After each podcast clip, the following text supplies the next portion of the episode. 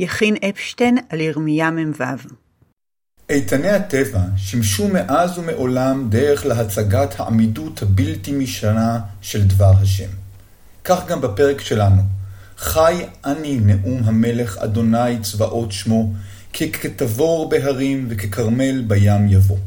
הפסוק משווה בין נבואתו של ירמיהו מפי השם, ובין ההרים תבור וכרמל שאינם משתנים.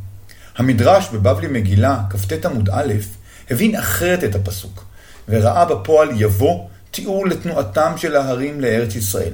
וכך אומר המדרש: רבי אלעזר כפר אומר, עתידין בתי כנסיות ובתי מדרשות שבבבל שיקבעו בארץ ישראל, שנאמר, כי כתבור בהרים וככרמל בים יבוא.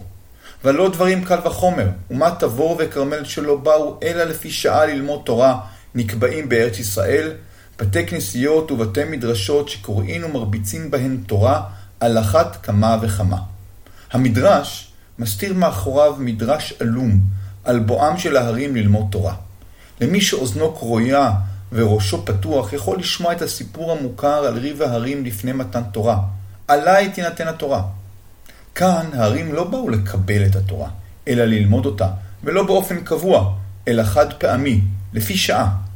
המיוחד במדרש זה היא התנועה מחוץ לארץ לתוך הארץ, של ההרים ובדומה להם של ביתי המדרש. דורש הדרשה הוא תנא שחי בארץ ישראל בסוף תקופת התנאים, כנראה ברמת הגולן. והמתח של גולה המתפתחת ומתחילה להיות משמעותית במקביל למרכז הארץ ישראלי עולה בדבריו בצורה גלויה מאוד.